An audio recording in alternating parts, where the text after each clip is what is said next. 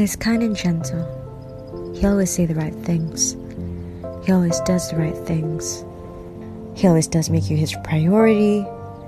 He always does everything perfectly. And he always aims to do the nicest thing.